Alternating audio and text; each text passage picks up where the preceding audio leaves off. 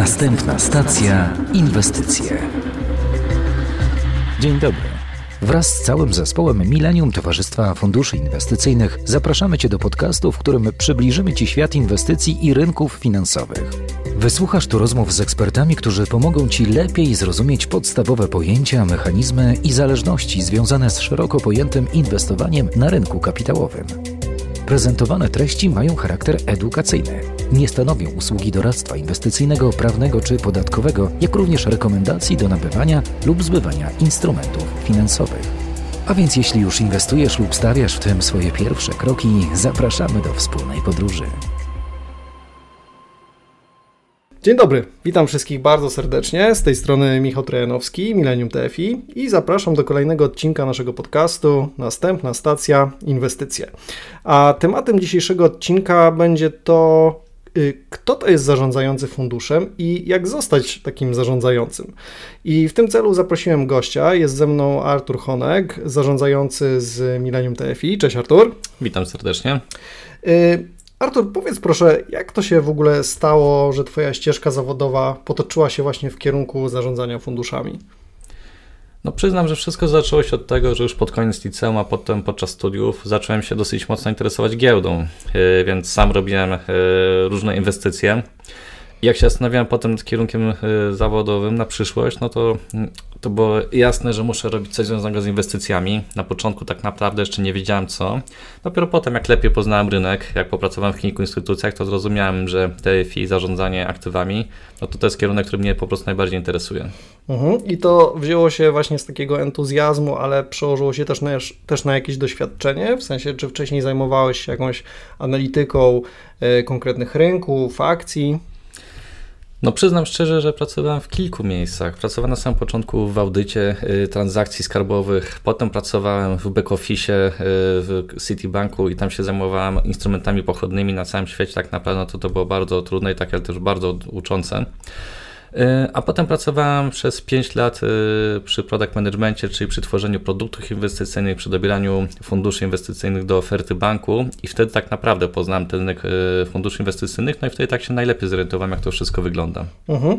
A czy zarządzający funduszem musi zdobywać jakieś specjalne uprawnienia czy licencje po to, żeby móc taką pracę wykonywać? Jak to wygląda? Od strony formalnej w teorii nie ma oczywiście takiego wymogu. Y, każde TFI musi mieć bodajże trzy licencje doradcy, ale w praktyce tak naprawdę, żeby y, zostać zarządzającym, to trzeba mieć y, jeden z dwóch papierów. Pierwszy to jest tytuł doradcy inwestycyjnego, a drugi to jest CFA, gdzie doradca inwestycyjny to jest tak naprawdę matematyka finansowa połączona ze znajomością ustaw i to są trzy egzaminy, wszystko po polsku. A CFA mm, jest tam zero tak naprawdę prawa, zero ustaw, jest tam tylko wyłącznie matematyka finansowa bardzo e, szeroko, tak naprawdę o wszystkich aspektach na rynku. I to są również trzy etapy i wszystko jest po angielsku. A sam ten proces e, zdobywania tych uprawnień i licencji, o których wspomniałeś, chociażby właśnie licencji doradcy inwestycyjnego czy certyfikatu e, CFA, czyli Chartered Financial Analyst. Czy to jest, y, że tak powiem, taka krótka piłka, przychodzi to łatwo, czy jednak to jest taki żmudny y, proces, który trwa kilka lat? Jak to wygląda? No, wydaje mi się, że większość ludzi myśli, że jest ciężko zdobyć tę licencję. No to powiem, że się mylą. Nie jest ciężko, jest koszmarnie ciężko, to jest naprawdę tragedia. Yy, na przykład ja mam CFA, to jest tak, że można raz w roku przystąpić do egzaminu, jak się nie zdaje, to można przystąpić dopiero za rok. To są dwie sesje e, po 3 godziny. Jest tam chyba 120 pytań, jeśli dobrze pamiętam. E, w trzecim, na trzecim etapie pytania są otwarte. Jest to naprawdę gigantyczne poświęcenie. Z tym, że to nie trzeba e, być jakimś niesamowitym umysłem, to nie jest rocket science, tylko tego materiału jest naprawdę bardzo, bardzo dużo. To jest kilka tysięcy stron, żeby się nauczyć. No i mówię, no nie trzeba umieć zbudować rakiety kosmicznej, ale trzeba no, dosyć dobrze się orientować no, w niemal każdym obszarze. Mhm. Jeśli chodzi o doradcę natomiast, to tam yy, przyznam, że nie chciałem zdawać doradcy, bo doradca skupia się przede wszystkim na polskim rynku. Mam na myśli tytuł doradcy inwestycyjnego, a jednocześnie tam jest kilkanaście ustaw, które trzeba znać naprawdę dokładnie. No to to też jest bardzo ciężki orzech do zgryzienia. A mm, jak w takim razie wygląda taki dzień pracy? No bo zarządzający funduszem, zarządzający aktywami, to od razu kojarzy się e, z takim wyobrażeniem, że siedzisz otoczony wieloma monitorami, trochę jak na filmie Matrix i przyglądasz się cyferkom, różnym e, wykresom. E, a jak to wygląda w rzeczywistości? No rzeczywiście śledzenie rynku, tego co się na bieżąco dzieje, to jest y, bardzo istotna część naszej pracy i to jest oczywiście część pracy, jaką najbardziej lubię. Podejmowanie decyzji inwestycyjnych, właśnie zastanawianie się, co y, powinno dobrze performować w najbliższych miesiącach. To jest creme de la creme tego zawodu powiedzmy. Ale to, o czym y, wydaje mi się, że ludzie nie wiedzą, to, że też jesteśmy obarczeni dużą ilością, powiedzmy, dokumentacji, bo każda decyzja inwestycyjna musi być potem Y, wyjaśniona, dlaczego podjąłem taką, nie inną decyzję i powiedzmy też mam trochę papierkologii, więc jest y, fajna część pracy, ale jest też y, dużo takiej części, której no, nie da się uniknąć, no i która jest powiedzmy nieco bardziej taka dokuczliwa. Jak przychodzę, to czytam sobie rynku, co się wydarzyło, jakie akcje poszły w górę, które spadły, z jakiego powodu i co się może wydarzyć w przyszłości. Jak sobie wyrobię pewien, pewne view rynkowe, to wtedy przystępuję do takiej właściwej pracy, czyli zawieram transakcje zgodnie z tym, co mi się wydaje, że może nastąpić, żeby oczywiście osiągnąć jak najlepszy wynik. Potem w drugiej połowie dnia, natomiast jak już wszystkie transakcje są zawarte, no to wtedy jest ta gorsza część, bo zaczyna się tak zwana papierkologia, czyli wpisywanie tych transakcji do systemów, czyli uzasadnianie. No i wtedy też e, robię takie rzeczy powiedzmy e, dodatkowe, czyli mogę sobie sam jakieś e, wykresy porysować, no albo robić rzeczy, których po prostu rano nie mam czasu. Ale jeżeli chodzi o właśnie te decyzje, one są poparte jakąś analizą. To jest tak, że studujesz jakieś gotowe materiały wypuszczone przez jakieś instytucje, biura maklerskie czy domy inwestycyjne, czy raczej to jest tak, że bazujesz na własnej wiedzy, własnym doświadczeniu i po prostu analizujesz dane spółki? Wszystko razem. Przyznam, że ja dużą y, uwagę przy, y, przywiązuję do wykresów, do tego, jak się zachowują dane rynki, także dane sektory, jak i konkretne fundusze. Y, oczywiście też czytamy, mamy dostęp do wielu analiz banków inwestycyjnych, z tym, że tak naprawdę z tymi analizami jest tak, że mogę przeczytać analizę, która ma 150 stron Citibanku, potem czytam JP Morgana i one są y, przeciwstawne, więc muszę mieć własne view na rynek i muszę podejmować własne decyzje. I to się tak naprawdę składa z całego cyklu takich mikrodecyzji inwestycyjnych.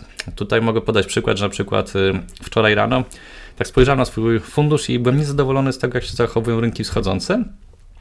I przeczytałem chyba trzy różne analizy i wyrzuciłem jeden fundusz, który się skupiał na Azji Południowo-Wschodniej, przede wszystkim na e, Chinach tak naprawdę.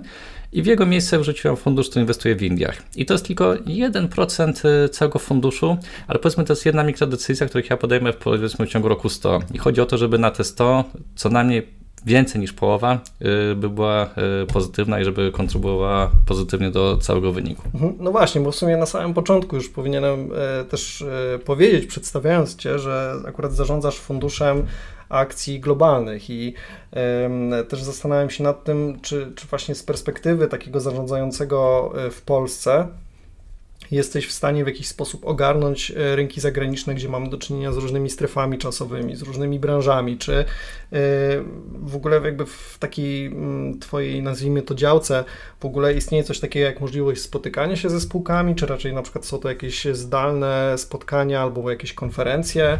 No rzeczywiście, jako że e, dwa fundusze, którymi zarządzam, inwestują globalnie, to nie mam możliwości przejrzenia teraz kilkunastu czy kilkudziesięciu tysięcy spółek, więc inwestujemy poprzez kontrakty terminowe, przez ETF-y, przez fundusze zagraniczne, więc mamy dostęp do analiz banków inwestycyjnych, mamy dostęp do konferencji, możemy się spotykać z zarządzającymi face to face.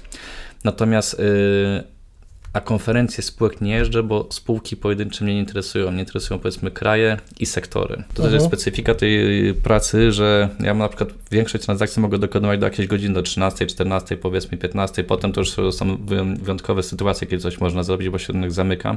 Więc fajna część dnia to jest pierwsza, druga część dnia już jest żmudna. Mhm. No tak, to też jest charakterystyczne, że skoro operujesz głównie na rynkach globalnych, no to jednak to przesunięcie czasowe też ma swoje znaczenie, prawda? Tak, to prawda, e, aczkolwiek e, tutaj też mam e, pewne możliwości, bo na przykład kontrakty futures na indeksy amerykańskie chyba całą dobę w ogóle są działają. Więc mhm. zawsze jakoś można dać sobie radę. A jeżeli chodzi właśnie o podejmowanie tych pojedynczych decyzji, czy to jest tak, że podejmujesz je samodzielnie, czy wspólnie tutaj z całym naszym zespołem w ramach tak zwanego komitetu inwestycyjnego ustalasz kolegialnie jakieś ruchy na swoich funduszach? Wydaje mi się, że to jest wiedza, powiedzmy, nie złamie tajemnicy firmowej, jeżeli powiem, że to wygląda we wszystkich te mniej więcej w ten sam sposób. Jest faktycznie komitet inwestycyjny, gdzie jest kilku zarządzających, zarząd, ryzyko to różna jest powiedzmy ta struktura. No w każdym razie jest kilka bądź kilkanaście osób, które ustalają pewien y, model, do którego trzeba y, się odnosić.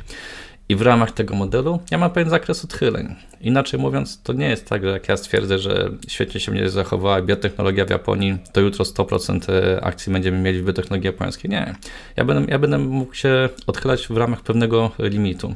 To chodzi o to, żeby, e, żeby ochronić klienta przed potencjalnie moją złą decyzją i żeby nie okazało się, że fundusz straci powiedzmy, nie wiem, połowę w 3 miesiące. No tak, no tutaj istotna jest e, kwestia jakby samej strategii funduszu, która jest spisana, mamy ją w prospekcie, mamy ją w statucie i, i też jest to materiał, który no, musi być przestrzegany przez nas jako e, instytucję finansową. Ale mm, pytam Cię o to też pod takim kątem, e, bo jestem ciekaw, czy takie czynniki behawioralne też mają wpływ na decyzję, czy na przykład jeżeli e, możesz się trochę poodchylać, jeżeli chodzi o poszczególne rynki, czy na przykład taki aspekt, że masz taką pokusę, żeby wykorzystać jakąś okazję, albo w drugą stronę masz pewne obawy i wkrada się jakiś strach. Czy to są takie rzeczy, które bierzesz pod uwagę, czy one faktycznie w, na co dzień odgrywają jakieś znaczenie? Przyznam szczerze, że ja staram się przygotowywać y, przed takimi wydarzeniami. Na przykład, jak teraz weźmy dzisiejszy przykład, mamy posiedzenie Fedu. Ja się na coś nastawiam, że będzie bardziej optymistycznie niż rynek obstawia. Wtedy zawczasu kupuję odpowiednie sektory albo odpowiednie kraje i czekam na to, co się wydarzy. To nie jest tak, że jak wyjdę jakieś dane, to ja natychmiast robię potem 10 transakcji w ciągu pierwszych 5 minut. To się w ostatnich czasach nie sprawdza. To mieliśmy wiele przykładów, czy po Brexicie, czy po wyborach e, w Stanach Zjednoczonych poprzednich. No, rynek poszedł nie w tym kierunku, gdzie się wszyscy e, spodziewali. To jest tak zwana realizacja zysku wtedy, więc gra na emocjach to jest e, dosyć skomplikowana rzecz. I raczej podchodzę do tego w ten sposób. Jeżeli się nastawią, że na przykład w tym roku będzie rosła no, na przykład technologia, to jak yy, wyjdą jakieś złe wieści, powiedzmy, ludzie zaczną panikować, ten sektor zawali się powiedzmy 10%, to ja się ucieszę, bo ja i tak jestem do niego przekonany, ja go wtedy po prostu kupię taniej. Yy, a to nie jest tak, że jak zobaczę jakieś złe wieści, to ja wtedy będę chciał na 2-3 dni zająć krótką pozycję i wykorzystać tą sytuację. Mhm. Czyli mm, zamiast emocji, zamiast takich pochopnych decyzji, jednak ta rzeczowa, taka rzetelna analiza y, bierze y, górę. Tak, wydaje mi się, że emocje to można tak e, na krótką chwilę faktycznie można trafić, ale tak w dłuższej perspektywie to jednak e, wygrywają fundamenty. No tak, no jednak ciąży na tobie duża odpowiedzialność i właśnie też o tę odpowiedzialność chciałem cię zapytać, czy e, na co dzień ta świadomość, że zarządzasz portfelem, gdzie może być kilkaset milionów złotych, że to są środki wpłacone przez klientów, czy to tworzy jakąś taką presję, czy to już jest rzecz tak powszednia w twojej pracy i w pracy twoich kolegów z zespołu, że o tym się nie myśli na co dzień? No, presja w tym zawodzie na pewno jest dosyć duża, to nie ma co ukrywać. Jeszcze jak się, jak, jak się osiąga dobre wyniki, no to jest ok. Jak się osiąga złe, no to presja już jest bardzo nieprzyjemna. Jeżeli chodzi o skalę działalności, to przyznam, że na początku, jak robiłem transakcje na kilka, kilkadziesiąt milionów złotych, no to faktycznie sprawdzałem je po kilka razy, zanim je wprowadzałem tak. do systemu. Palec drgał nad, nad guzikiem trochę. Trochę tak, ale teraz prawdę powiedziawszy, jak już tych transakcji zawarłem tysiące, no to te liczby już nie robią dla mnie takiego wrażenia. Artur, wielkie dzięki za uchylenie tego rąbka tajemnicy. Myślę, że też i mi, i naszym słuchaczom przybliżyłeś nieco tą e, naturę pracy zarządzającego, a przede wszystkim chyba pokazałeś, że to nie jest tak, że mm, funduszami sterują jakieś bezduszne automaty, ale stoi za tym wszystkim człowiek, który przede wszystkim musi mieć wiedzę, musi mieć doświadczenie, który musi być odpowiedzialny, znosić presję. Także wielkie dzięki za e, rozmowy. Mam nadzieję, że będziemy mogli jeszcze porozmawiać w przyszłości o innych aspektach związanych e, chociażby właśnie z Twoimi funduszami. Dzięki. Dziękuję również i do usłyszenia w przyszłości.